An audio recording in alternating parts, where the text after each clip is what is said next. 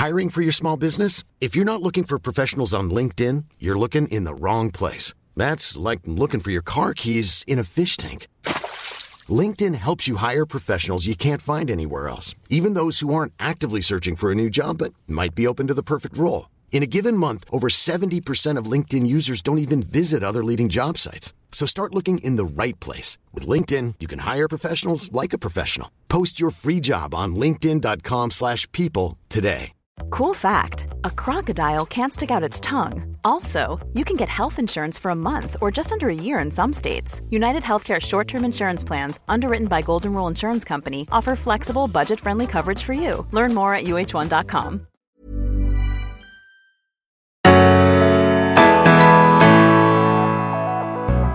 Hej och varmt välkomna till Berätta alltid det här. Jag heter Frida Boysen och jag heter Tilda Boysen.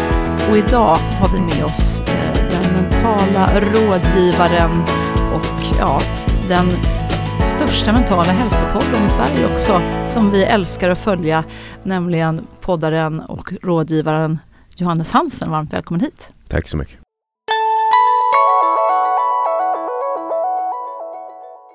Ja, Tilda, vad tänker du när du hör namnet Johannes Hansen? Jag tänker mycket. Jag tycker du, du har en fantastisk podd som förmodligen alla har hört. Den är helt underbar. Det är så fint att få ja, men lyssna på dig, ta del av så mycket fina råd och nej, väldigt inspirerande skulle jag säga.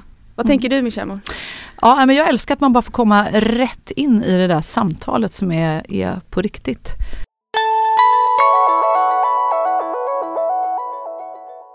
Och jag är väldigt nyfiken Johannes. Eh, vad var det som fick dig att hamna där du är idag? ja, eh, det beror ju på vad man menar med att jag har hamnat då. Men ja, vi, just det. Men om vi, styrt kanske du tänker mer? Ja, både styrt och hamnat. Men också finns det ju så många lager som, som vaknar i mig eftersom jag tänker i så många lager. Men om vi tänker på eh, resan till att göra det jag gör idag. Så skulle jag väl först beskriva det jag gör som att jag gör väldigt många olika saker för mig och samtidigt samma sak. Och jag tror att en bra en bra berättelse om, eller ett bra perspektiv på vad jag gör, är att jag började i liksom en total kontrollförlust i tidiga tonåren av panikångest. Mm. Där jag, ja men hela världen skakade. Uh, och den resan av att känna att jag inte hade fullkomlig support var väl det som gjorde att jag hamnade där. Jag inte var omhändertagen nog mm. på ett sätt. Mm. Eh, så att jag började ta hand om mig själv i det. Hittade böcker från min mammas gröna bokhylla i Djurmo utanför Borlänge. Mm. Eh, och sen blev jag helt förälskad i det hoppet jag fick av att läsa om att det går eh, att komma tillbaka. Vad fint. Eh, och det är det jag sen har fortsatt göra i väldigt många år. Så den här pojken, den här 15-åriga pojken hade panikångest och vad, vad, var det som, vad var det du hade panikångest över? Hittade du svaret i de där böckerna om du inte visste det från start? Ja, men det fanns väldigt lite varför eh, då för mig. Mm. Eh, det fanns, det måste sluta skaka Eh, jag måste klara av att gå till skolan. Eh, jag kan inte hela tiden gråta så fort jag ska göra någonting som är eh, att gå utanför dörren hem, hemma liksom. Eller eh, jag vill åka på hockeyläger. Mm. Eh, så jag hade nog inga perspektiv alls då på varför. Mm. Men om man ska försöka zooma ut eh, till att förstå varför så finns det även lager i det. Men eh, de övergripande penseldragen är ju att jag eh, i perioder av uppväxt på grund av att det var väldigt stökigt. Eh, jag hade en farsa som var eh, otroligt oansvarig och drog på sig mm. mycket skulder som drabbade familjen. En mamma som eh, försökte hålla huvudet över vattenytan eh, och eh, ta hand om mig och min lillebror. Men den stressen som han la på familjen, både på hur han var eh, och eh, vad han gjorde, eh, fick henne att behöva skilja sig, eh, flytta upp till lugna, trygga Djurmo eh, Mm. och liksom skydda oss på något sätt. Eh, men det som hände av den stressen som liksom, historien med honom gav henne var att hon hade väldigt svårt att hålla ihop det när vi kom upp dit. Mm. Vilket gjorde att jag behövde växa upp alldeles för tidigt. Så jag, redan som sexåring så bad jag henne skriva ner receptet på gröt eh, och sätta upp på kylen så att jag skulle kunna ta hand om min bror om hon också försvann. Mm. Eh, vilket gör att mitt perspektiv är ganska rubbat tidigt. Åh, det gör ont i hjärtat. Herregud, Ja. så ska ingen barn, inget barn behöva ha det. Nej, så är det ju. Så är Ja. det ju. Vad, Men- Vem var ditt stöd i allt det här innan Mm. du hittade till böckerna? Ja, men du- mamma var ett stort stöd trots att hon själv var eh, såklart eh, då, jag skulle säga under flera år sängliggande. Mm. Eh, Det var och, så illa. Ja, eh, stresssjuk då. Åh herregud. Och då var du hur gammal? Men det här är väl, och det är svårt för mig med, med eh, historieskrivningen när det kommer till år här Ja. eftersom det är mycket minnesluckor och sådär. Som det är för många tror jag. Men också på grund av att det är mycket stress i mitt system. Men det här är väl, eh, säg att jag, det är eh, från att jag eh, är någonstans där, 6, eh, 7 till kanske 12, Mm. 13 eh, och jag eh, vet att mamma började jobba på Dressman på Kupolen i Borlänge Mm. eh, innan, eh, innan jag, ett par år innan jag började jobba där jag började jobba där som 15-16-åring. Mm. Eh, Mm. Så där någonstans, Mm. eh, innan dess. Hur gammal eh, är, var din bror under den här? Han är tre år yngre. Han är tio år yngre. Mm. Hade ni ett stöd till varandra också? Eller var han för liten eller vad man nu ska säga för att Men om han var tre och jag var Ja. sex, då var ju han för liten Ja. såklart. Eh, men vi är absolut en väldigt nära Mm. relation och har väl liksom genom livet eh, varit varandras stöttepelare, absolut. Och funnits där som ja, men support och jag tror en väldigt stark liksom, eh, en stark tro på framtiden. mm. Eh, för det var ju verkligen vad min mamma har gett mig genom allt. Hon har varit en jättestort liksom, support och fan rakt igenom allt jag håller på med. Mm. Eh, men det lär vi oss ju när vi blir äldre. Mm. Att man kan ju ha någon som är där och vill ge dig allt. Men man kan ändå som förälder missa massor med saker Mm. eh, Ja, som man behöver. Absolut. Absolut. Eh, Jag tänker när man är barn och är i en familj där det är tufft. eh, i, I ditt fall då en pappa Ja, som inte är närvarande alls längre och mamma som ligger ner och inte orkar och kan. Ja. Och du har dessutom en lillebror. Ja. Ska lära dig att laga gröt just in case Ja. liksom. Ja. Alltså, Vi ska lägga till två personer till. Ja. Både en plastfarsa fanns med ja, eh, och även en, en hans eh, mor, så farmor. ja, Där. Ja. fint. Eh, som eh, hon är cool alltså. Hon, cy, hon cyklade från, eh, från Borlänge till Djurmos med två mil liksom. Typ Wow. dagligen. Och jäklar. Är det Och sant? städa och laga mat. Men och gud vad söt. Men Ja. gud vilken hjälte. Verkligen, Ja. Men jag tänkte just det, för det är så, eh, jag tror många barn, eh, känner jag igen mig, mig själv också när jag var liten, allt var inte heller eh, supertoppen alltid direkt. Och eh, jag, eh, jag var en sån där som om jag någon gång fick frågan hur det var, och det var inte så många gånger det hände i och för sig, då, eh, jo, men då sa jag jo, men det, det är bra. Liksom. Alltså, det var inte så att jag ville tjalla på att det inte var perfekt hemma. Mm. Hur var det, fick du någonsin någon fråga från, eh, jag tänker Jag kan, samhället? relatera, jag kan relatera jättestarkt Ja. till det. Jag tror att en av de största så här, terapeutiska genombrotten jag har haft liksom, i vuxen ålder eh, Det var ju när jag insåg att jag skulle behövt hjälp. Mm. Det var när någon sa, men du, du hade ju behövt hjälp. Mm. Och det var väldigt starkt för mig. Då bröt jag ihop. För jag, jag förstod inte det förrän då. Mm. Eh, och det säger väl någonting om hur mitt nervsystem var riggat tidigt. Att jag såg inte framför mig att man kunde få det tror jag.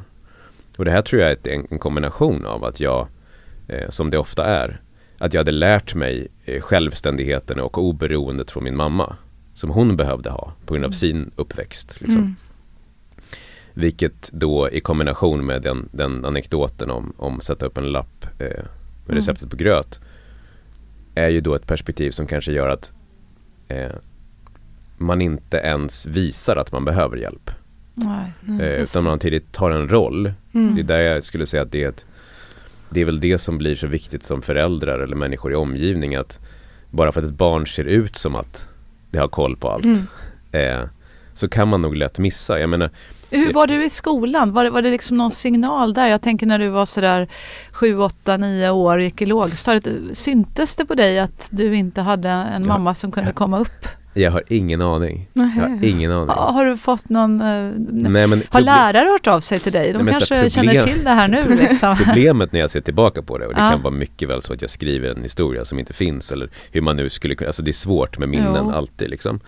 Eh, och det vill jag verkligen lägga till. Eh, men, men eh, när jag har suttit eh, och liksom gjort jobbet med mig själv genom många år och tittat på liksom omgivningen jag hade när jag växte upp. Mm. Tänker på de familjerna jag umgåtts, gicks i med vännerna jag hade och sådär. Alltså där vi bodde, det var väldigt mycket dysfunktionalitet. Mhm. Eh, jag menar ett uttryck för det är väl att på skolan jag gick så tävlade man om vem som fick sämst betyg snarare liksom. Jaha. Eh, som många är med, känner till när man växer upp på landsbygden. Det är liksom inte coolt att vara Nej. bra. Nej. Utan då ska Intressant. man ha stryk.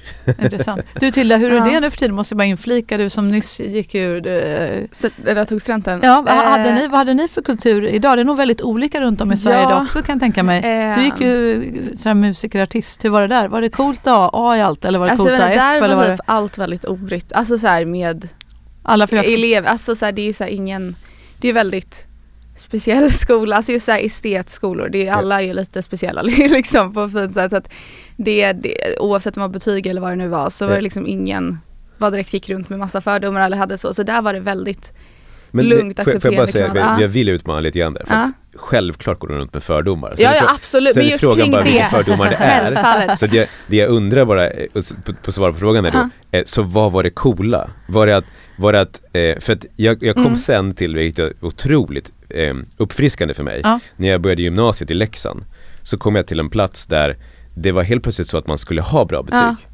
Och det, alltså det förändrade så jävla många perspektiv för mig. För det var första gången jag också insåg att jag var bra. Ja, Därför att nu kunde jag börja tävla om att vara bra Mm. och det funkade. ja, Eh, Men då var det fortfarande coolt att få bra betyg, men man skulle aldrig prata om att man pluggade.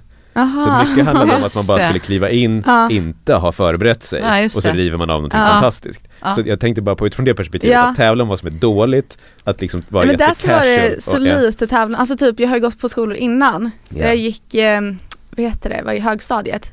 Där var det mycket mer just så här, man ska vara bra. Då var det okej, väldigt ja. mycket att alla ska ha väldigt Ja. bra meriter, det ska vara coolt och man ska liksom, där var det bra att ha liksom, det tyckte alla om.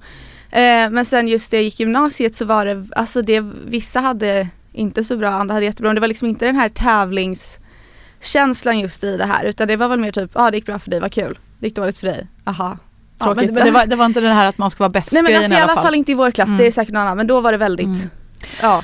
Ja okej, men spännande. Men om vi går tillbaka till dig då Johannes. Du, det, det var en stor skillnad säger du mellan hur det var när du gick i, i grundskolan till det du kom sen. Mm. För då var det coolt att vara, vara bäst och bra. Ja, men, men, men på frågan Ja. som du var inne på, alltså det vill säga syntes det på mig att jag behövde hjälp på Ja. något sätt? Alltså jag, jag tänker så här, och det är väl slutsatsen, om man kommer till klassen jag gick i ja. så behövde ju alla hjälp. ja. Exakt. Eh, och det är ju problem, och så här, det fanns ju folk som hade det så betydligt mycket sämre än mig. Ja. Men gud, Eh, och vad hände värre. uppe i Borlänge när du växte men upp egentligen? Jag tror inte, jag tror faktiskt inte med tanke på hur mycket människor jag träffat genom åren och pratat om de här sakerna att det är särskilt unikt. Och det här tror jag är ett Mm. viktigt perspektiv att ta med sig. Jätteviktigt. Jag tror att det, det är eh, jag menar det finns någon siffra, Mm. jag pratade med någon terapeut eller psykolog Mm. om det som säger att 85% av familjer är dysfunktionella. Mm. Ja, och, och vad säger du som har Eh. träffat så många människor? Ja men kanske högre, nej jag skojar. 100 procent. Ja, men jag tänker också det, Ja. allvarligt talat. Ja, vad är en funktionell familj? Finns de? Ja men jag tror bara utifrån det perspektivet så tänker jag att det absolut finns. Mm. Eh, och då, då ska man hitta en serie av om man ska vara, eftersom jag är väldigt analytisk när det kommer till mitt arbete, Mm. så är det så här, då ska du ju ha en lista på massor med kvalificerande frågeställningar. Ja. Och sen så ska du ju gå igenom dem då och göra en, en, då en utvärdering på anknytningsmönster. Okay. Eh, Är, är det det viktigaste? Ja men det skulle jag nog säga att det, Mm. är, det är en bra förklaringsmodell i alla fall. Mm. Eh, för eh, om du är trygg eh, så tenderar du att eh, må bättre och vara schysstare mot andra. Mm. Eh, Låt, ja, ja, det finns Ja. ju mycket forskning på. Så, Och- och- så då är nog det en bra förklaringsmodell för att fortsätta längs med linjen. Ehm, Och om man ska inflika så jag fattar. Innebär det då alltså att menar du att åtminstone kanske 85 procent av alla barn där ute går omkring i, och är i familjer i sina hem där de egentligen inte riktigt känner sig 100 procent trygga? mm, det, det, skulle vara översättningen då Mm. om det nu stämmer att det är 85%. Alltså att ta in den siffran är ju ganska... Ja, men- man, blir, man blir nästan lite gråtfärdig känner jag. Ja men Ja. många, så här, det som vore intressant och bara som en kort parentes ta perspektiv på är väl förmodligen om vi spolar tillbaka 100 eller 200 eller 300 år. Ja. Och så ser vi den linjen och tänker på att eh, vi har ändå levt i en värld nu rå- råkar vi ha 200 år av fred här. Ja. liksom. Men vi lever i en värld där typ eh, det är på liv och död Mm. för väldigt mycket människor. Så att ifall man har kommit upp till en punkt där än så länge så är vi bara lite halvt fucked up men vi känner att vi fortfarande kommer att överleva till imorgon eller nästa vecka eller de kom, det kommande halvåret så är det en enorm utveckling liksom. Ja. Men likväl som du säger, och här tror jag att en, en, ett värdefullt perspektiv i när man ska navigera i de här frågeställningarna som vi pratar om. Mm. Det är ju att ju mer, ju mer verklighetsförankrad du är med hur det ser ut, ju bättre blir du ju på att hjälpa människor. Mm. Mm. Eh, för ifall du tänker att man ska nå till 100% trygghet, ja då kanske du har satt en jävligt hög ribba.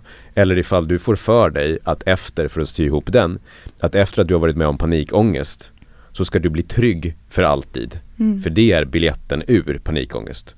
Då har du en väldigt verklighetsfrånvänd liksom, ambitionsnivå. Vad, är en, eh, vad är en ambitionsnivå som är rimlig?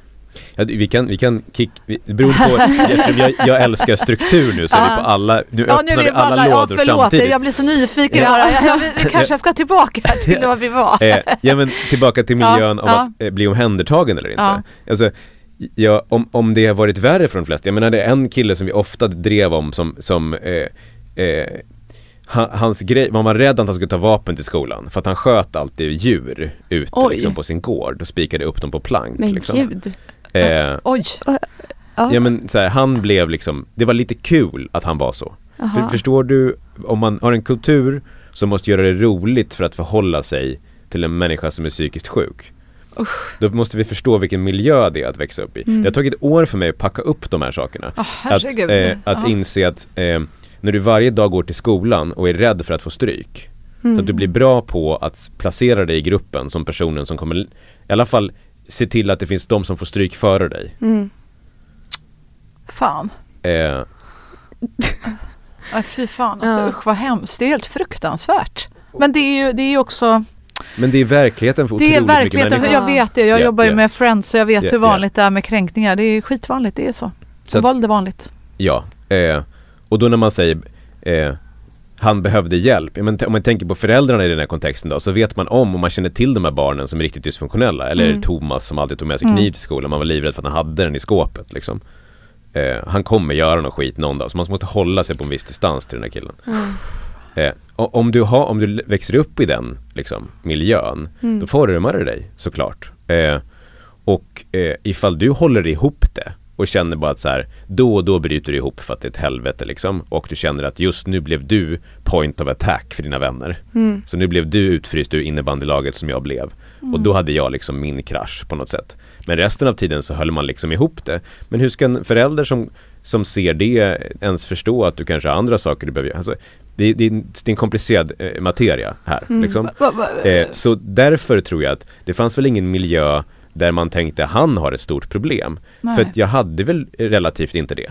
Mm, Eh, och som jag kommer ihåg mig själv så var det inte att jag gick runt och det här är en del av mitt problem när jag Mm, jobbar mm, terapeutiskt mm. när jag blir äldre. Att jag tänkte inte att jag hade det. Ja, Jag fattar. Utan jag tänkte att mitt första problem som var på riktigt, det var när jag skulle, när jag bröt ihop, kraschade och inte kunde ta mig till skolan. Eh, Jag eh, kunde ju inte härleda varför jag fick panikångest. Nej. Därför att det traumat som ledde till det, det traumat eh, stängde min hjärna ner. Mm. Så att jag, det tog ju år för mig att packa upp det. Mm. Så att, så att vad, vad som ledde till att min kropp bröt ihop och inte kunde hantera sig själv, ja men det har ju liksom varit år av terapi för att förstå. Mm. Så att eh, när jag då, apropå förklara varför hamnade jag här, Mm. Ja, Eh, just det. det- det är ju, det är ju min kropp slutade fungera. Eh, jag hade sett en mammas vars kropp inte fungerade tidigare. Vilket var också en del av räddningen för att hon dels visste vad det var. Mm. Jag hade suttit i bilen tillsammans med henne på parkeringen när hon säger När jag, när jag säger, kan inte jag gå in och handla istället? För jag vet att de kommer bryta ihop och ramla ner på golvet och gråta. Mm. Eh, och jag vill inte se det igen, jag pallar inte. Men hon Mm. säger, jag måste göra det här för jag måste bli frisk igen. Så hon Mm. fattade exponering, hon fattade vad det innebär att ta tillbaka sitt liv. Eh, så jag följde med henne in och så fick Mm. jag se det hända och det är fruktansvärt och det skapar ett medberoende hos mig. Men jag såg fortfarande att hon blev starkare. Ja. Eh, så hon började komma tillbaka. Vilket gjorde att när min kropp Otroligt. sen då Ja. bryter ihop Mm. så har jag både sett henne plocka böcker från hennes bokhylla, så jag plockade samma böcker.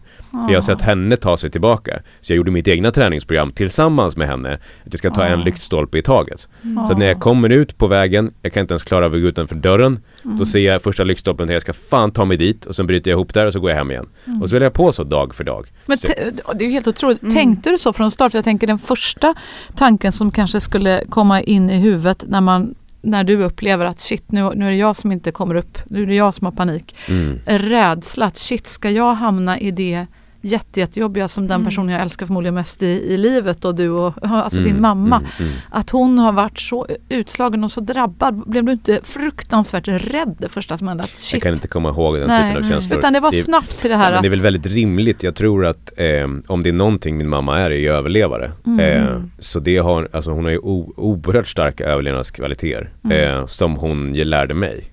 Och det, man måste ju förstå att det är en stor skillnad på att lära sig överleva och att leva. Ja, Oh ja. Absolut. Eh, Men att vara en överlevare är otroligt kraftfullt i en miljö som är svår. Mm. Så det var ju det perspektivet som jag tänker att både jag och mina syskon är svinstarka på. Vi kan ju så fort någonting händer se hur ska vi lösa det här. Mm. Och det är ju även det som är anledningen till mitt jobb idag.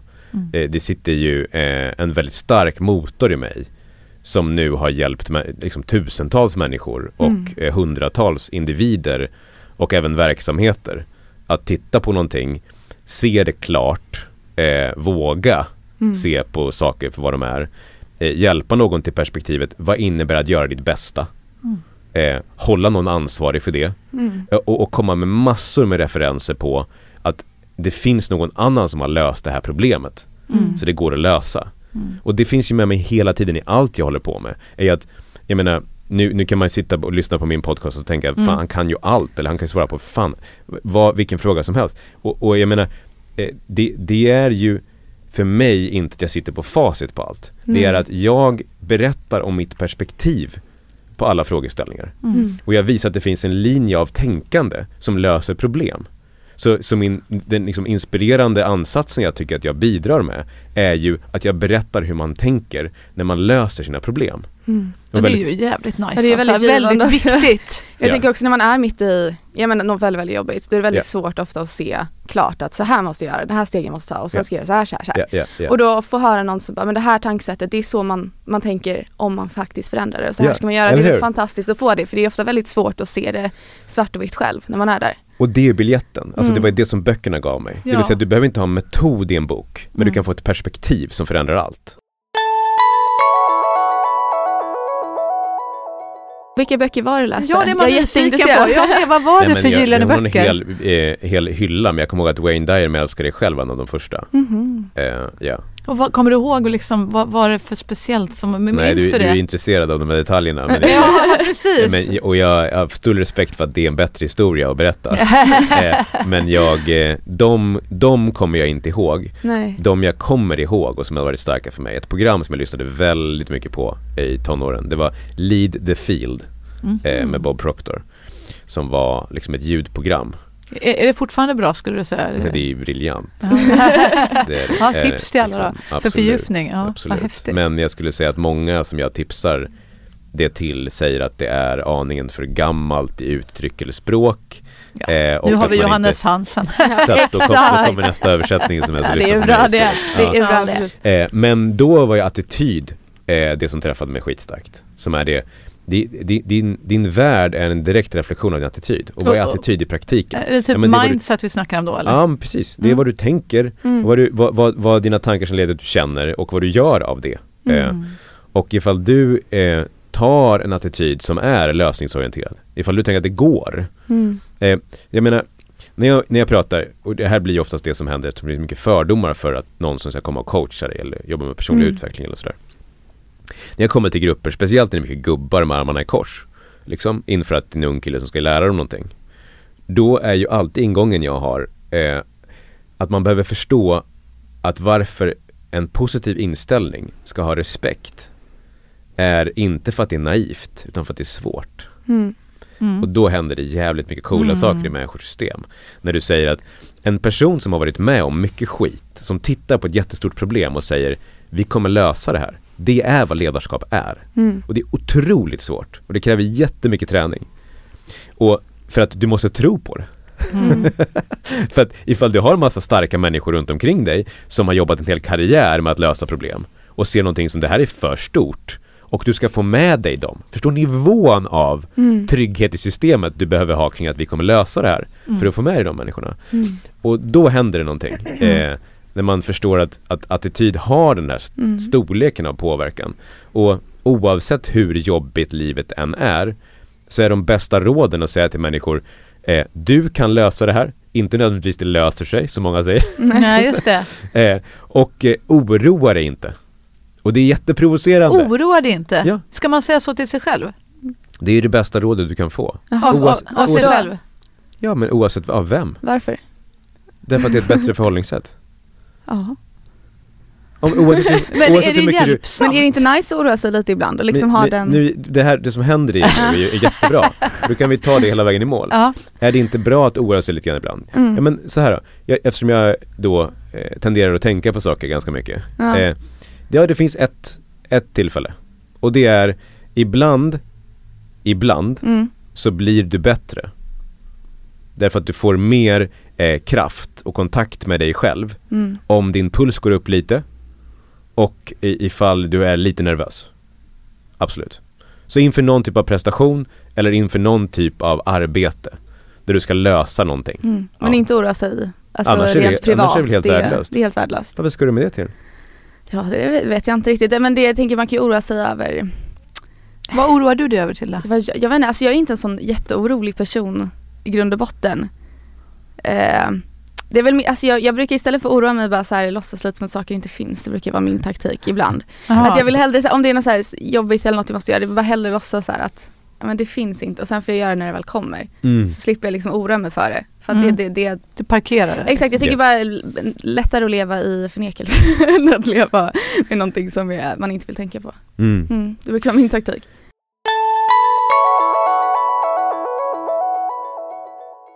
För min, min poäng med att säga det är ju eh, om man behöver livsråd och står inför en jobbig situation, Mm. att få höra oroa dig inte är sinnessjukt provocerande. Mm, Ja det var det absolut. jag menade med. Ja. Jag menar, jag förstår att det inte är så konstruktivt att oroa Nej, sig. absolut. Men jag tänkte just om man är typ en vän Ja. och så vet man att det är en människa framför sig som inte mår riktigt bra som oroar sig och så tänker jag om jag då säger men du Ja. Johannes oroa dig inte. Nej, Då blir precis. de ju bara förbannade. Nej men det är ju också Mm. en förnekelse av saker, en avfärdande eller att du, du är totalt avstängd och det är väl kanske till och med det som leder till att en person som mig när man är liten, om en, min mamma hade sagt, vilket hon inte sa, men så hade sagt oroa dig inte när det var skitjobbigt. Så hade det varit ett övergrepp till och med liksom. Mm. Så det är inte det jag säger. Nej okej. Det, det, utan, utan det jag säger är att när du navigerar genom livet så behöver du ha målsättningar. Mm. Och ett par sådana är, du vill ha en positiv attityd. Alltså Mm. det måste vara målet. Mm. Du vill inte oroa dig. Det måste vara målet. Mm. Och sen det tredje som jag tycker är ett jätteproblem i vår kultur är, du vill vara stark. Mm. Alltså, du vill vara en väldigt, väldigt stark människa. Är- Och det, är det värt att göra så mycket för att träna dig själv till att bli otroligt stark? Ja. Ja. Ja, ö, och det, precis. Och vad Men- menar du med stark? Men jag menar också att vi har Ja. en kultur just nu för att säga det, Ja. där man till och med hyllar svaghet. Mm. Eller Man blandar ihop sårbarhet det och var svaghet. precis skulle jag Mm. säga det. Sårbarhet. Är inte det att också vara stark, att våga vara sårbar ibland? Mm. Precis. Ja. Visst Våga är det vara det? ärlig. Ja. det om- Men det, sanning och ärlighet och sårbarhet, det är absolut styrka. Mm. Men posera med svaghet är inte styrka. Nej. Och det är många som gör det. Och nu kommer vi tillbaka till varför min blick är viktig på många när jag säger Mm. Gör du ditt bästa? Mm. Det är för att många som absolut inte gör sitt bästa och sen så skryter de över vilka problem de har. Ja. Mm. Och så får de med sig folk som också har de problemen för att de också förlorar just nu och Mm. tycker att det är skithärligt att någon annan bara Åh, en till som inte Mm. gör sitt bästa så vi kan tillsammans i en klubb prata om att det inte går. Mm. Mm. Och då kommer vi tillbaka, då bryter man mot två saker. Man är inte ärlig mot sig själv, man vill inte bli stark, man skyller ifrån sig och man har ingen positiv attityd. Mm. Mm. Så att det, det, och det handlar inte om att jag inte har förståelse och nu kommer jag, den viktiga delen av linjen vi drar att jag vet hur det känns att vara i helvetet. Ja. Mm.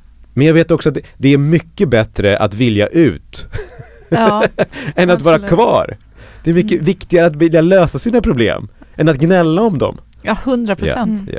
Och vad är nyckeln där då? För jag, jag, jag känner ju igen det här jättemycket, och gör säkert alla som lyssnar. Antingen Ja. är man i det här, att man Ja. liksom är i förnekelsen och säger att "Ja, det är så jävla jobbigt. och- Gnällgungan som du brukar Ja, kalla det. gnällgungan som jag brukar kalla det. Ja, men det, det, ja, och, ja, och man gör kanske inte sitt bästa. Just det. Eh, Eller så står man bredvid och ser, men börja, Ja. börja ta ansvar. Ja. Liksom. Hur ska man få den där människan, om man är den som står bredvid, att börja ta ansvar? Då, liksom, och Det Börja- finaste svaret är att säga börja själv. Mm. om man redan har börjat själv då, om det inte funkar? Ja men det är också en väldigt intressant frågeställning när det kommer till att börja själv. I, om du jobbar med dig själv då, för Mm. att det här blir också perspektivet. Jag skulle säga att någon som jobbar med sig själv ofta kan svara på den frågan bättre än någon som inte gör det. Mm. Alltså hur hjälper man någon annan? Om du har Mm. varit i terrängen själv, om du gör jobbet med dig själv, om du just nu står upp för att du gör ditt bästa. Ta liknelsen så att det blir väldigt begripligt för alla. Mm. Tänk dig PTn på gymmet, då blir Just det. tydligt liksom. Är du personen som tränar regelbundet, tar hand om din kost, liksom, mår bra och gör repetitionerna på gymmet. Då kan du ju ställa dig framför någon, liksom, hel kropp och bara titta på den andra personen och säga så här, nu tränar vi. Just det. Och vad ska personen säga? Ja, Det, det är såhär, ja, ja, okej, ja det gör vi, det gör vi. ja. Ja, du tar inte i tillräckligt. Men, nu blir jag förbannad på dig, men jag ser ju fortfarande, okej du har musklerna, du vet hur man gör, ja ja, okej då, jag kan ge dig lite till. Du, du ser idealet, eller du ser riktningen. Mm. Behöver du bli lika vältränad som den här personen? Absolut inte. Men du står för principen styrka i rummet. Och då kan du ställa krav på den andra personen. Mm. Och personen kan till och med gå med på det. Men om den inte går med på det och blir arg på dig så har du också alla försvar du behöver. För du vet ju att du gör jobbet. Just det. Det är så intressant och bra liknelse du tar där. Jag tänker om man översätter det till det mentala. Ja. Eh, jag tänker som vi var inne på, en familj. Det är en Mm. väldigt vanlig konstruktion, Ja. någonting som vi bryr oss jättemycket om som Ja. påverkar oss väldigt mycket Mm, om det inte verkligen. funkar. Och du sa precis, det funkar ofta inte. Det är inte Ja. alltid hundra och det är det ju sällan. Men hur ska man göra där då? Alltså Ja. om man har ehm, Ja, all- allt ifrån men, eh, ett, eh, Jag har ju en tonåring nu som exempelvis ska liksom plugga till, till prov och så vidare. Och så tänker jag så här, men nu gör du inte ditt bästa. Ja. Och liksom man, man tänker så här, men du har ju så mycket potential, kom igen nu. Mm, Eh, mm. hur, hur ska man då få den här personen att verkligen vilja göra sitt Mm. bästa om, om, om det inte liksom funkar? Och ja, har du några nu- tips? och- abs- absolut har jag det, eh, massor. Men, men jag vill alltid börja i den första igen, liksom, Mm, som mm. är eh, Många föräldrar säger ju, eller vänner, Mm. jag kommer inte åt mitt barn. Liksom. Nej. Mm. Någon variant av det. Mm. Jag, kommer, jag når inte fram. Mm. Och då är det ju viktigast att prata om det först. Ja. Mm. Varför når jag inte fram? Ja. Mm. Va, vad är det den ser, känner eller på vilket sätt positionerar sig mitt barn emot mig? Mm. ja, det är en jättebra fråga. Och, och, och så här, eftersom jag gör ju samma jobb fast i ledarskap Ja. som är man kommer till mig som ledare och säger jag får inte med mig teamet. Kan du jobba med mitt team? Om man är så här, du, du fucking skämtar med mig. Ska jag Mm. jobba med ditt team? Nej, du inte, det är du som har problemet. Absolut. ja, det är jättebra. Eller hur? Ja, Så att verkligen. man får, man, det, här, det blir en viktig del i spegeln. Jag kan, komma- jag kan ta det Mm. vidare till Mm, tips mm. också. Men, men, men det blir viktigt att börja där som är varför når jag inte fram just nu? Vi måste ha ett samtal som är vad känner personen för friktion till mig? Mm. Och hur mycket är det här naturliga saker som bara kommer av att man är mamma och barn? Mm. Eller hur? Du ska gå igenom dina trotsåldrar. Mm. Eller hur? Är hela idén Varför av... finns de? De är så jobbiga tycker Men- jag. Ja men åt andra hållet. Och jag, jag, jag kan, eftersom jag inte har barn själv så kan Nej. jag inte säga garvas lika igenkännande. Nej, nej. Men jag kan säga, eh, eh, jag fattar ju det. Alltså Ja. såklart som fan att man blir trött på barn som vill trotsa. Ja, ja. Men varför finns de om vi svarar på frågan istället Mm. då? För hälsosam egoutveckling. Verkligen. Så att ditt ego faktiskt får ta ditt egna, den egna utrymmet som det behöver. Ja. Så, så när du är i de faserna så finns det ju olika filosofier för hur man ska ta sig igenom dem. Då kan vi gå in på, det blir djupt ja, liksom, det blir, tar ju eh, fem liksom, timmar. Ja. Pedagogik och sådär. Ja. Liksom. Vad betyder det att i en tidig ålder när du börjar bli trots? Vad betyder det att stå kvar som förälder? Och när ditt barn är vansinnigt och riktar ilskan mot dig, hur svarar du upp? Ifall du har en anknytning själv som gör att du blir rädd för ilska. När ditt barn blir arg Mm. Mm. så kommer du förmodligen vika dig. När hela grejen ska vara att du ska tämja barnets ilska, du ska helst av allt visa eh, pondus tillbaka. Mm. För vad är pondus? Det är integrerad vuxenilska. Mm. Det är kraft. Därför att det är det coola i den, det utbytet med ett barn som börjar visa ilska. Är att här kan vi börja tämja. Mm.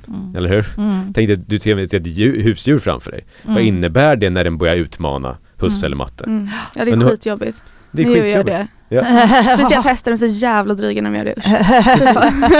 Barn är lättare. Men vad skulle man då, om man då tar perspektivet mognad och styrka säga om det? Mm. Fy fan vilken möjlighet. Mm. Det är nu vi kan utveckla styrka tillsammans. Mm. Det är här det händer. Det är nu du kläcks.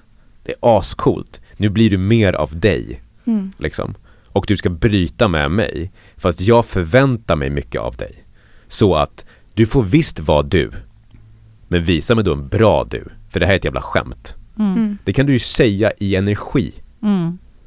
Ja? Om du ska ta de här stegen. Mm. Men visa mig då. Mm.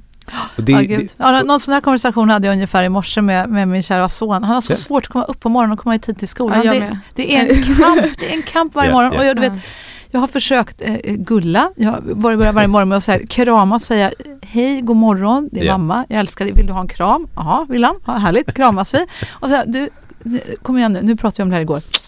Nu går du upp eller hur liksom, eller hur vill du göra nu? För du behöver verkligen gå upp om fem minuter. Och sen Ja. så ja. Sen påminner jag ungefär eh, hundra gånger. Jag har, provat, jag har nog provat hundra olika strategier också. Det är, det är Mm. väldigt svårt. Och Hur gammal var han sa du? Han är 15. Ja, Min går- favorit måste jag bara säga, när jag ska väcka honom ibland, mm. det är att eh, ta fram så här vatten.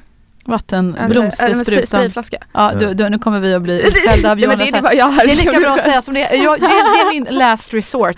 Det är, det är, nu kommer du säkert använda mig till bli, Nej, men det, jag då, då har jag sådär en blomsterspruta för det är det enda som funkar till slut om man verkligen inte kommer upp. Om man känner nu börjar ju skolan, du måste upp. Då tar jag fram den här men jag hade nog blomstersprutan. vänt på det tror jag. Jag hade nog tagit en ishink istället. Men det, jag har inte tagit ishink men jag har lagt is i nacken. Det var jag lite mindre och skulle vara dryg bara. Men då men det, jag det, det gör inte Det är jag. Det räcker med blomstersprutan. Men, Men jag är lite hur många ondare. ishinkar tror du han behöver innan han kommer gå upp? ja, men det räcker med blomstersprutan. Men Igen, nu jag, börjar, nu nu, undrar jag, jag undrar, det är frågan till er. Hur många Ja. ishinkar tror ni att han behöver innan en kommer gå upp själv? det behövs inte ishink utan det räcker med blomstersprutan. Men jag vill inte använda den för jag, jag, jag märker att han, det, det blir nästan som ett övergrepp Ja, det, känns det är lite som. som, så här katter, du vet när man sprutar, det ska man inte heller göra. Spruta Nej, men det känns så taskigt, jag vill ju inte göra Men det. Vi bara fortsätter längs samma Ja. tema då. Okej. Eh, varför gullar du så jävla mycket med honom? Ja, nej, men det är väl för att jag eh, älskar honom och för att jag, jag vill, jag tycker det är ett trevligt sätt att bli väckt på också själv. Men är det kärlek då? Ja. Att du men- gullar med honom? Men jag tycker att säga till någon, Om en person inte kan ta hand om sig själv, som Ja. han uppenbarligen inte kan. nej, då ska man inte börja så. Jag förstår ju ert narrativ. Ja. Alltså det Mm. behöver ju börja känna in er energi Ja. kring det. Att ni vill liksom ta hand om och så vidare. Ja. Verkar det som att det funkar? Nej, det gör det inte. Men så, jag tycker det funkar. nej, det Nej, men gör alltså, det nej, inte men, nu fick inte jag avsluta min kära mening här. Nej men jag tänker för att, om man tar mig själv som referens, för att på ett sätt funkar vi lite lika min kära bror och jag. Men att alltså om man börjar komma och så här, hej upp, då blir man ju lite gladare för att ibland så här, när har det hänt när någon kommer in och sen är liksom, har jag inte vaknat och så är jag dum. Och så blir jag liksom sur för att ni blir sur. Då vaknar jag och för sig på en sekund för då får jag så mycket adrenalin i kroppen att jag bara rusar för att bara, äh. Men man, man blir mycket bättre humör. Man får, inte, man får liksom trevligare start om det först är gull. Jo men ifall det är så Mm. här, eh, att han då och då eh, försover sig Ja. och ni hjälper honom, ja men absolut. Ja. Men om det är så att han gör det till en rutin, att Ja, det här väcka är en honom. rutin. Ja men det, det, Det här är om sig nästan varje morgon. Nej, det gör han faktiskt inte. Det är ett skämt. Ja, hur gör man då då? Ishink. Tycker du det? Alltså jag vet, jag känner honom inte. Nej, jag Men- förstår, det utan är det jag svårt. sitter Ja, här i ja. är att representera ett annat perspektiv. Ja, Mm. Jag förstår hur många som har ert perspektiv. Jag har enorm empati för det. Ja. Det handlar inte om det. Det handlar om, verkar det som att det funkar? Nej, och ja, Alltså, jag hör dig. här, Det är energin bra. i min kropp när Ja. ni pratar så här bägge Ja. två och ska vara så här gulligulliga och nurture, är att jag tycker att det är patetiskt. ja, ja jag Ja, gillar din utmaning. Och jag, jag, du har ju rätt, för det funkar ju inte. Då ska man inte göra det igen. Jag tar perspektivet styrka i rummet. Jag är intresserad av att just nu förstå att han kan inte ta ansvar för sitt liv. Okej, Nej. så det finns ju fler saker än att gå upp på morgonen det handlar om. Det är ju bara en av massor med grejer, Mm. såklart. Mm. Och en del av approachen som gör att han sitter där är att ni håller på som ni gör. Okej, Jag är Tack inte så involverad i den här processen Nej, säga. men Oj, där, och, och där skickar, kan, gick du ut Nej, men jag menar att jag, jag kan inte heller Så du har lärt dig också att inte ta ansvar här borta? Nej men exakt, nej, men Ja, jag, jag vill bara exakt. säga att jag kan inte säga att, um, att det är dina att man ska, gud nu kan jag inte prata längre. Jag Ja. menade bara att jag sa att man ska gulla, men jag menar att jag väcker honom inte så ofta. Det är mer du. Men- så att jag har kanske nu- inte lika mycket att du- säga till om. Nu lägger du skulden på Nej henne jag lägger inte skulden, jag säger bara att jag kom med att man visst ska och säger bara att men jag väcker honom inte lika ofta så du har ju förmodligen mycket sannare bild än vad jag har. Ja, Så jag menar att du har ju okej. förmodligen Ja, mer ja, korrekt. det är. Men jag gillar vad du säger Johannes och, du, jag hör ju själv när du säger det att du har ju helt rätt. För jag brukar ju själv säga det att liksom, eh, höjden av dumhet tycker jag det är att göra samma misstag. Jag gillar Ja, inte egentligen man bara misstag, men att göra samma sak Men då- om och om igen om det inte Och Vi funkar. behöver inte gå för djupt. Nej, nej, jag, jag, jag, är tacksam för men, det du Men skickar med. perspektivet jag, jag har det också så här, Ja. det finns också en anledning till att man gör så. Och då kommer vi djupare som är, Mm. vad är det för anknytningsmönster du har själv? Eller vad är det för skuldkänslor du har? Mm. Vad, är det, vad är det som gör att han har möjligheten att bete sig som han gör utan att ditt nervsystem snabbare säger ifrån? Och det är också det intressanta. Alltså, det är också intressant, eller hur? absolut. Ja. Alltså, om, om jag vill ta dig till att du ska uttrycka mer pondus i relation till honom, Ja. varför gör du inte det? Ja men, det gör du ju på grund av massor med saker i dig. ja, Och nu massa rädslor och skit och Ja. erfarenheter. Eller som den första du sa också, nu kommer de att anmäla dig till SOS liksom. Ja. Om man säger, vad kommer andra tycka om hur jag uppfostrar mitt barn och så vidare. Ja. Jag förstår alla de här miljöerna, Ja. men vi, vi behöver också förstå eh, att vi måste börja med, vad vill jag? Och sen Ja. så här, jag vill åstadkomma det här. Okej, Bör- så ställer vi frågan, vad är metoden då? Börja med vem du är och titta Ja. på dig själv. Ja. Börjar du göra det så börjar du hitta dina egna osäkerheter och rädslor kring Mm. ditt barnuppfostran. Och så börjar du konfrontera dem och så inser du att naturligt genom att göra det, på ganska kort tid så väcks egenskaper i dig och strategier du inte hade tidigare. Mm. Därför att du har ett nytt perspektiv. Ja, men jag hör att jag får boka in mig på en terapisession hos dig Johannes. så här tio gånger eller något så vi Ja, det kommer vara, för det skulle nog göra susen för, för mina eh, säger försök att väcka min innan vi har son. möjlighet att göra det, eh, börja med min bok Tough Love Ja. och så gör du det som står i boken. Ja men det, bli det är ett bra tips, det ska jag göra. Jag har, jag har sneglat på den länge Ja, så att ja. nu, nu måste det bli av helt enkelt. Ja, ja men gud vad, ja men det, det är ju, älskar när, när man blir utmanad på det här viset som du gör. För jag kan säga så här att jag har ju gått till en del psykologer, det har du också gjort Tilda. Mhm. Och jag kan tycka ibland att, jag kanske bara haft otur, men ibland tycker jag att de psykologer jag har varit hos har liksom strukit lite för mycket medhårs. Mhm. Man får liksom mest bara prata ut och man blir inte så utmanad. Har jag bara haft otur då eller hur är det? Men, men eh, tänk dig på samma, samma narrativ som vi precis satt i när ni två tog perspektivet att man ska trösta någon eller Mm. gulligulla med dem. Mm. Och så tänker vi på hur svensk kultur ser ut rent generellt. Det är för mycket gulligullande. Nej men eh, det säger, jag säger inte att det, vi sa ju till och med att det finns kulturer nu eller subgrupper eller liksom eh, min egen uppfostran där jag fick för lite gulligullande. Mm. Ja. Alltså jag har inte alls blivit omhändertagen i den utsträckning jag skulle behöva. Så jag säger inte att det fi- finns för lite eller för mycket av det olika. Det finns så många underrubriker, Ja, det verkligen. jättestort liksom. Ja. Eh, så det är inte det som är mitt problem. Det är eh, om vi ska lösa problemet med att det finns många terapeuter som rent generellt stryker för mycket medhårs. Mm. Då vill vi behöva förstå terapeutens situation. Mm. Alltså, vad, vad lever den i för övergripande kultur? Mm. Alltså vad pratar man om att man behöver och hur ska man vara? Och hur lite får man vara utmanande? Och hur förbannade blir människor om vi utmanar dem? Mm. Eh, och hur ser affärsmodellen ut som psykolog? Mm. Eh, gärna att du ska komma tillbaka, Ja det är ju positivt. eh, såklart. Just Eh, det. Och och vad, vad är det du blir skrämd kring när du går utbildningen? Ja det är ju att begå den typen av övergrepp. Mm. Eller att vara för utmanande. Mm.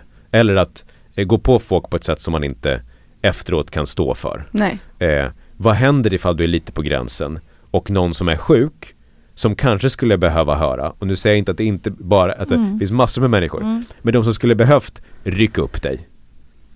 Vad händer ifall den personen som blir provocerad av det går ut och börjar köra tidningsartiklar på dig? Mm. Inget kul. Eller hur? Så du, har, du, Mm. du har ju massor med, precis som du Just sa, det. tänkte om någon kontaktar SOS. Du har ju massor med rädslor, du har en kultur, Mm. det, det är få förebilder som står upp för styrka Mm. på det sättet. Det Mm. finns ju massor med superskickliga terapeuter. Jag, jag vet ju många av mina klienter, jag sätter Mm. upp team till och med till mina klienter, Mm. där de går till sådana. Mm. Så de finns ju, 100% och som har båda delarna. Mm. Som förstår när man ska, apropå en PT som är Ja. när man ska pusha någon stenhårt. Och när man ska verkligen ta hand om dem. För det enda de behöver nu är någon som Mm. lär dem hur man visar sig själv kärlek. Ja, Eller hur? fint. Så att det, det är så här, Det, det är vad, vad, stor... vad, vad är en checklist då skulle du säga Johannes till den som lyssnar? Liksom, vad, hur, hur hittar man en bra eh, psykolog? Vad är liksom en bra så, att man vet om den här människan är Jag har bra tips för mig? Ja du har också Men ett du, tips. du kan få börja. Johannes kan börja.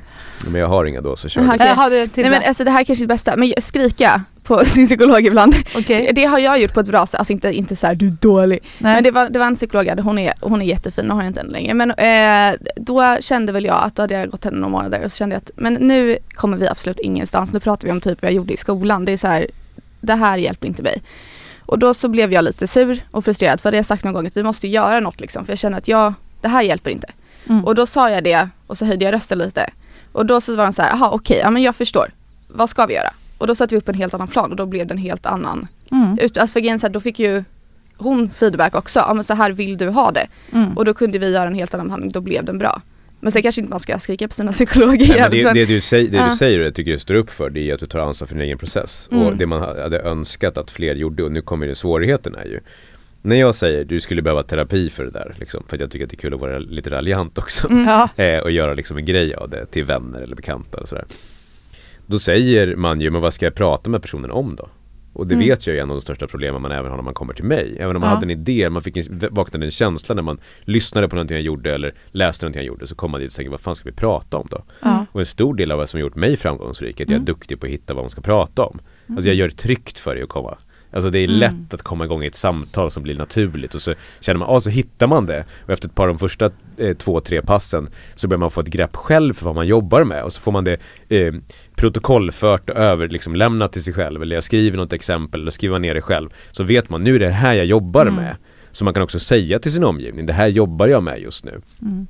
Och det är en stor del i det, att ansvarstagandet för Mm. vad vill jag då? Mm. Om du går till en terapeut är nog den första bra utmanande frågan till sig själv inför Varför sitter jag här? Mm. Vad, vad vill jag ha Ja, för vad någonting av det förväntar här? jag mig också? Ja. Vad vill jag ut av det? Precis, så Mm. att du kan säga efter tre pass Är det det här vi jobbar med? Mm. Får jag uppgifter på det temat? Har jag flyttat mig själv framåt? För nu kommer vi tillbaka till min princip av att göra sitt bästa Mm. Du kan ju titta någon i ögonen och fråga dem varje dag Gör du ditt bästa idag? Och så vet de att de inte gör det Mm. Och så, och så kan de dra liksom alla haranger av ursäkter de har, absolut, och liksom bli förbannade på dig Men du har fortfarande känslan i systemet som är, nej det gör jag inte Samma sak i en terapeutisk process Där gjorde jag mitt bästa nu, om jag tittar tillbaka på det här senaste halvåret Har jag gjort det här då? Mm. Händer det för mig? Mm. Jag tror ett problem du har mamma, Mm. om jag ska Ja, kör. Här kör vi öppenhet. Jag, jag transparens. tror att du är, du, du är för snäll ibland och du, du är för liksom Ja men du vill att alla andra ska må bra också. Mm. Och det kan jag tänka mig att ibland så här blir det att du typ Ja men det har du väl nästan sagt någon gång att du liksom gör som psykolog och sen så känner jag att det här kanske inte ger så mycket men du vill gå dit ändå för att du gör det för deras skull liksom. Ja, ja Eh, jo, just att det, du- det är det vi snackar om psykologerna. Ja, Ja, exakt, menar. Nej, men jag, jag känner igen mig i det att jag Mm. nog ibland har varit, det är ju hemskt, men att jag är så artig. Alltså att jag tycker så här att jag ska Ja. vara snäll mot psykologen. Typ. Ja, Att jag ja. sätter nästan att jag känner att jag är mer där för dem än för mig. Ja, och då är det ju psykologens jobb skulle jag säga och nu kommer vi till olika ribbor och olika Ja. ambitionsnivåer och sådär men jag, jag kan ju liksom jag har, jag har samma sak där, jag har stor respekt för att vi befinner oss i olika faser Vissa människor kan ge jättestort värde för någon för att det bara är en relation som man sitter Mm, med mm. och bara kan prata om vad som helst Men skulle vi utifrån mitt narrativ då igen göra Ja. ditt bästa och, och säga Ja. Vad är en riktigt bra psykolog eller terapeut? Du kommer ju inte undan ett samtal där du sitter och är artig Nej, Nej, man, nej, nej. man ledsnar ju på det, då kommer man ju inte tillbaka till det, för det ger ju inte Nej, ett men skit. det är det liksom. som händer. Ja. Alltså det första som skulle hända när du sitter och är artig Mm. och säger så varför sitter du här? Mm. Vad pratar du om nu? Mm. Vad, vad, vadå? Så vad jag vill höra? Det är Mm. jätteroligt. Då blir det första passet där man sitter och bara trycker dig mot väggen. Där Ja. det är så här, vad sitter du här för? Ja. Ja. men då avslutar vi då. ja, Så att exakt. du liksom känner att du får Ja, panik och ska gud, börja ja. formulera det. Ja det hade varit härligt. Ja, nej, men jag ska sluta vara artig nästa gång jag ö, uppsöker en psykolog, verkligen, jag är 100% lovar. Men om vi går tillbaka till eh, människorna i vår värld, för vi har ju ändå ganska mycket eh, psykisk ohälsa. Den Ja. eh, ökar eh, i, i, på många vis och inte minst bland unga. Ehm, och du har ju sagt några saker som är jätteviktiga här nu Johannes, liksom att eh, tar du ansvar, gör du ditt bästa har du sagt. Är det någon mer- fråga du tycker man kan ställa sig själv om man, om man känner, man, ja, den som lyssnar nu kanske, att nej, men jag, ah, man kanske känner igen sig lite grann i det där, gör sitt bästa, det kanske jag inte gör, eller är det någon annan viktig fråga man kan ställa sig själv som kanske kan öppna upp någon nyckel?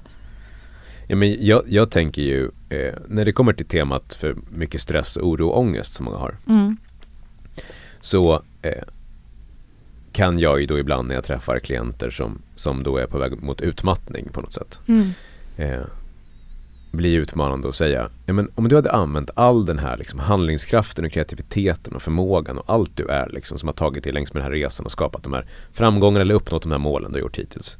Om du tog de resurserna Mm. och så använder du dem till att titta på hur återhämtar man?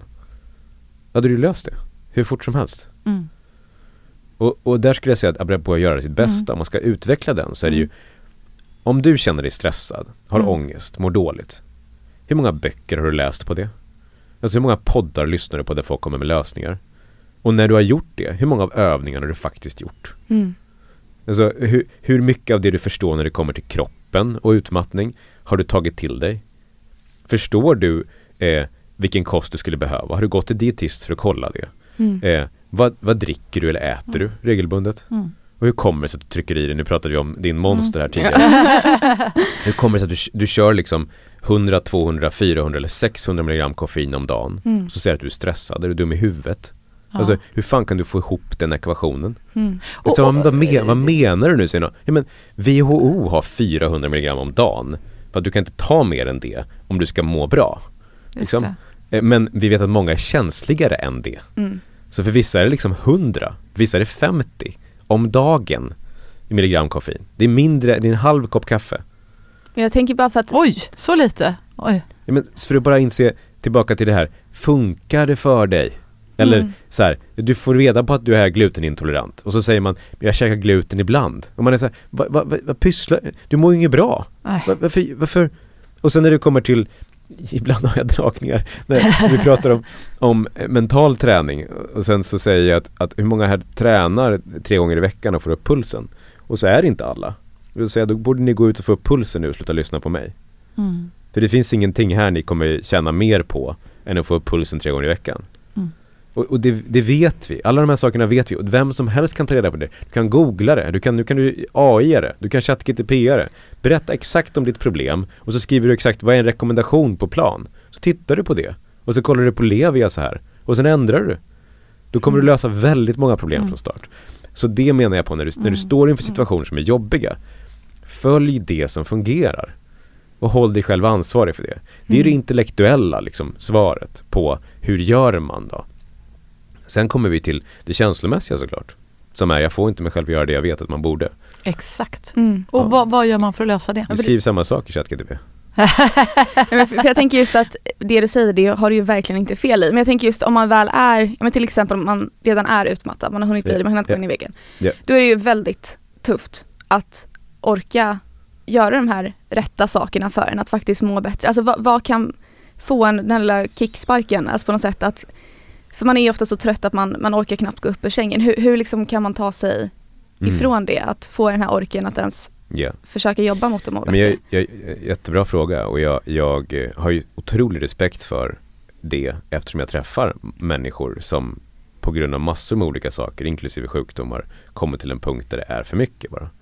Eh, så med all den empatin för den känslan i kroppen så behöver vi luta oss mot någon typ av livsfilosofi. För det är det enda sättet jag kan se framför mig att man lyckas med det.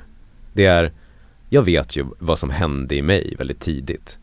Och det var ju, om jag ska må så här, om, om det här är mitt liv som får mig att gå igenom så här tuffa saker, då måste ju mitt liv vara fullt med inspirerande, tillräckligt inspirerande aktiviteter och människor och kärlek för att göra det värt det. Mm, så Mm. hitta motivation egentligen. Hitta vad man brinner för, vad man älskar för att orka ta sig igenom dagen och för att känna att det här är värt det. Ja, och för många är det att starta kriget på något sätt. Mm. Alltså, nu är mitt liv i spillror. Okej, så hur plockar jag ihop det? Och det måste vara en otroligt viktig pusselbit i, i botten där. För vad ska jag annars studsa mot? När jag träffar någon som inspirerar mig eller någon annan person som säger hur man gör. Varför skulle du göra någonting? Och, i många fall så är det ju precis den konversationen jag har först med mina klienter. Mm. När de sitter där och är helt slut och allt känns över Mm. så måste vi tillsammans hitta varför är det värt då? Mm. Varför är det värt att fortsätta? Om det nu Mm. känns helt meningslöst och du lika gärna kan dö. Mm. Ja, ja men gör det då. Oj, vad säger de då? Är det ja, lite men, hårt? Ja, det är ju lite brutalt tycker jag till en människa som mår så dåligt. Även om det, det är ju väldigt utmanande. Så att nu, jag känner att det skulle trivas bra om jag hade dig som psykolog. Det är ju verkligen inte psyka medhårs. Men jag tänker om en människa mår så dåligt, är du inte rädd då för att vara så brysk liksom? men om jag säger det med den tyckte jag alldeles Ja. nyss när jag pratade med Ja. Med den inlevelsen och den kärleken Ja. bakom det. Ja, ja nej men då, Jag kommer inte kunna kontrollera vad du gör i ditt liv. nej. Mm. Och ifall man säger men det känns verkligen så. Ja, jag förstår det. Mm. Jag förstår att du vill dö. Mm. Ja. Nej men det är väl, det låter, ja, nu låter det klokt när du säger det. Då blir det att lyssna mer och ta in det och inte låtsas som att den känslan inte finns. Utan verkligen börja det- prata mm. om den. Det finns väl väldigt få av oss Mm. som inte gått genom livet vid någon tillfälle och varit med om jobbiga saker som Mm. inte tänkt tanken. Mm. Mm. Och varför skulle det vara, Svårt, eh, no-go zone så att säga. Mm. Ja. Det är väl egentligen det man behöver prata om. ja, Ja, för när man får säga det, ja. man får känna det. kanske man man, slappnar av lite. Man får till och med någon som tar emot en i det. Ja. Mm. ja. Det är okej. Jag vet Mm. precis hur det känns. Mm. Mm. Och där börjar jag hitta de första liksom rötterna till att så här, ja, men ni ändå är här ändå. Eller? Kanske ändå ska Att så här, prova. Ja, Ja, just och det. liksom, fan jag är bara jävligt ledsen alltså. Jag är sjukt ledsen. Det är det jag är. Ska Ja. personer säga. Eller, fan vad sviken jag känner mig. Ja. Mm. Så sjukt sviken. Jag gav verkligen allt i det här. Ja. Ändå så funkar det inte. Varför hjälper inte de här mig nu? Liksom. Mm. Mm. Har du sagt det till dem? Nej, det har jag inte gjort. Mm. Är det kanske där du ska börja då? Att vi börjar hitta vad, vad är Mm. grejen då? Mm. Som gör att det känns helt hopplöst. Eller jag tycker att hon är så jävla elak mot mig. Mm. Ja, men vad har du gjort mot henne då? Ja, ingenting tycker jag. Har ni pratat om det då? Nej, det går inte att prata med henne. Mm. Okej, ska vi prata om det då? Mm. Ja. Ja, Liksom. gud, eh, fantastiskt. Tänk att, tänk att det är så svårt det här med kommunikation. Man önskar att vi eh, skulle kunna bli bättre på det och det blir vi väl om vi övar på det. ja men det, det, det handlar ju om att våga. Ja, det är det Mm. det handlar om. Våga prata om det som är viktigt på riktigt Ja. egentligen. Mm. Och i det då kan vi börja hitta, för jag menar, det är inte så att sen jag liksom lägger mig på ryggen och säger att nu ska inte jag hjälpa dig på något sätt. Det är klart att jag fortfarande kommer massa energi eller inspiration. Om någon skulle känna sig helt hopplös i det och jag märker att de inte hittar någonting, då säger jag, ska jag ge dig ett par förslag till varför du ska leva? Mm. Eller hur? Jag menar, då kan du ju hitta massor med kraft i det också. Det är ju Ja. inte så att jag kommer lämna dig eller, Nej. eller så här, nu stänga dörren efter det. Nej, nu får du det hade varit lite hårt. Ja, Det hade varit, Ja. det var ju, men, det, men om, jag, om det är det enda som känns i rummet Mm. Då måste vi prata om det. Det är klart man måste prata om det. För det är det ingen har gjort med dig. Nej, Nej. exakt. Ja. Och tillbaka till när jag fick den första supporten någon sa att du skulle behövt hjälp Johannes. Ja. Det var för att jag fick inte hjälp att prata om det där. Nej. Det känns som att jag bär allt. Det känns som att det inte finns någon utväg. Och på det så funkar inte min kropp nu heller. Mm. Hur hur fan ska jag kunna bära allt? Även om jag vill. Liksom. Mm. Ja. Och kunna vara den i den botten. Nu hade ju inte jag någon där. Så jag fick hitta de pusselbitarna själv. Men det jag hade var boken. Mm. Jag hade sen var ljudböckerna. Mm. Och sen började jag ha min plan som jag började skriva ner. Och så började jag ha min dagbok som var, jag tog ändå tre lyktstolpar. Nu stod jag på bussen. Och hela världen skakade. Och det var så jävla mycket svettningar i hela kroppen. Och alla var runt omkring mig, ser, de ser att jag har panik nu.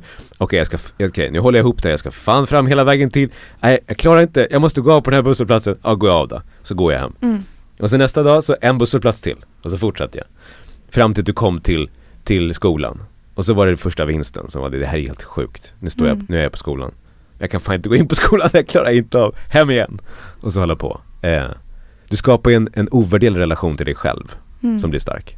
Och jag upplever att det är det som inspirerar mig när jag träffar människor som kan vara där för mig eh, genom eh, tuffa saker. Är ju att det är ju människor som ägnar tid åt den relationen till sig själv. Mm. Eh, om de nu gör det i meditation, om de gör det i reflektion, om de gör det i massa samtal med andra. Men man blir bättre på den relationen eller den styrkan där.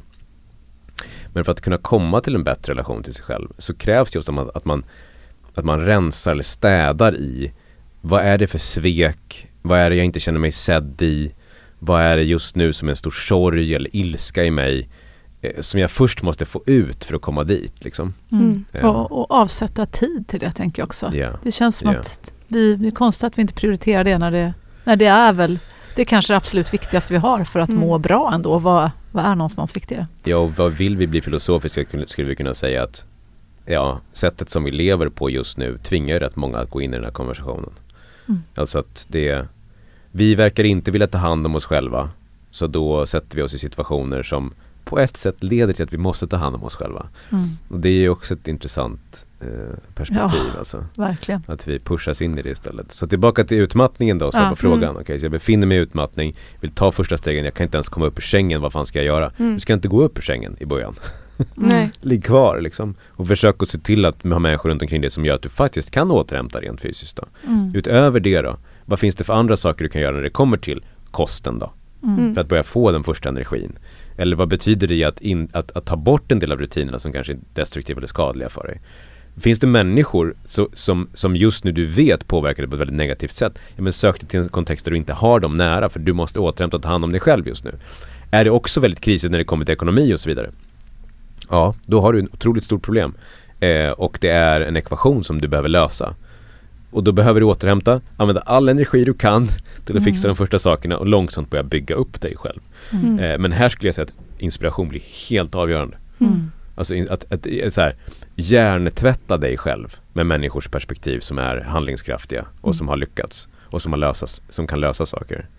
Och det, det är det jag vill basunera ut liksom, i en sinnessjukt frekvens. Ja, Liksom. och, och, och det gör du. hjärntvätta alla. Ja. Gärna, gärna och tillbaka, ja, Ja. och, och gärna på sättet som inte är Jag sitter inte på facit i vad du måste göra Men här är en väg Mm. eh, Det är en riktning och det är vi så tacksamma att du gör. Johannes Hansen, det har varit fantastiskt att få dela den här timmen med dig. Tack för att du verkligen har utmanat eh, framförallt mig skulle jag säga. I, i eh, inte minst eh, mitt eh, tankesätt med mig själv. Jag, jag känner att jag är eh, otroligt inspirerad. Så eh, nu, nu har jag stort hopp inför att morgnarna i vår familj kommer att bli bättre framöver. Kan det inte bli värre Får jag bara utmana, får jag vara utmanande igen och säga Ja, att gör det då. ja, Sannolikheten att de kommer bli bättre i närtid är inte så hög Ja, men då utmanar jag dig och säger I dare you. Oj. Ja, Oj, nu, nu, jag, jag är ju en tävlingsmänniska Ja. känner jag, så Ja, det jag, jag går igång på det här. Jag tycker det är kul. Jag älskar när du säger så. yeah. För då vill jag verkligen bara, nu tänker jag pröva något nytt. Ja. Så att vi, att det ska, Ja. det måste förändra sig nu. Se fram emot det Ja, Ja. ja verkligen. Jag, jag kommer Nu med börjar rapport. rishinkarna. Det är bra det. Men Johannes Hansen, du är fantastisk. Till dig som lyssnar, eh, hoppas att du tyckte det var eh, spännande att få hänga med, med oss idag. Eh, Mm, vi- verkligen. vad, ty- vad tyckte du till? Jag tyckte det var kul att hänga med Johannes. Ja, verkligen. Ja, och det bästa är ju att man kan ju få hänga med Johannes i hans podd också, det Mm. brukar vi göra. Så att uh, tune in till eh, Johannes Hansens podcast, den, är en favorit. Eh, och dela gärna det här avsnittet vidare förstås, vi är jättetack, jättetacksamma för dig som lyssnar. Johannes, vill du skicka med de sista ord till uh, lyssnaren just nu? Ja men först ska jag pusha några eh, verktyg. Det första är ju då när man kommer in till att man vill ha drivkraften eller ställa sig upp eller behöva kraft på olika sätt så är Tough Love ett bra, en bra start. Liksom. Podden finns först, sen finns Tough Love. Och så nu gör vi en hel del olika typer av webbkurser också. Ja. Allt från självkänsla till att hantera åsikter, få ihop sitt liv och sätta mål och sådär. Så det tror jag också på.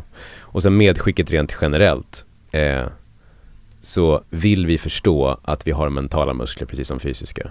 Och Exakt. om vi utmanar det som är jobbigt och går igenom saker fast det är läskigt så blir vi starkare. Och det påverkar inte bara ett område i vårt liv. Om vi bygger den där relationen till oss själva, att vi vet att vi klarar av saker, så klarar vi av ännu mer. Och det tror jag är eh, så viktigt att ta med sig när du står inför jävligt jobbiga perioder eller kriser. Är att hitta perspektivet. Om jag ser tillbaka på det här, vad är att göra sitt bästa då? Och hur kan jag lära mig av den situationen? Och kan det vara så att livet kanske händer mer för mig än emot mig än jag tror? Mm. Kloka ord. Ja, vi såg det. Vi tackar för dem. Eh, tack Johannes Mm, Hansen tack för att du mycket. kom till oss idag. Tack.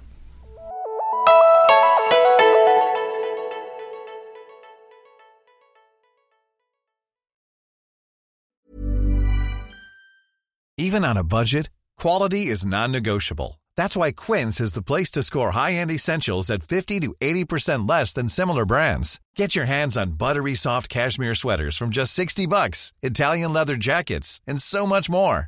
And the best part about Quince, they exclusively partner with factories committed to safe, ethical, and responsible manufacturing. Elevate your style without the elevated price tag with Quince. Go to quince.com slash upgrade for free shipping and 365-day returns. Ever catch yourself eating the same flavorless dinner three days in a row? Dreaming of something better? Well, HelloFresh is your guilt-free dream come true, baby. It's me, Kiki Palmer. Let's wake up those taste buds with hot, juicy pecan-crusted chicken or garlic butter shrimp scampi. Mm. Hello Fresh. Stop dreaming of all the delicious possibilities and dig in at HelloFresh.com. Let's get this dinner party started.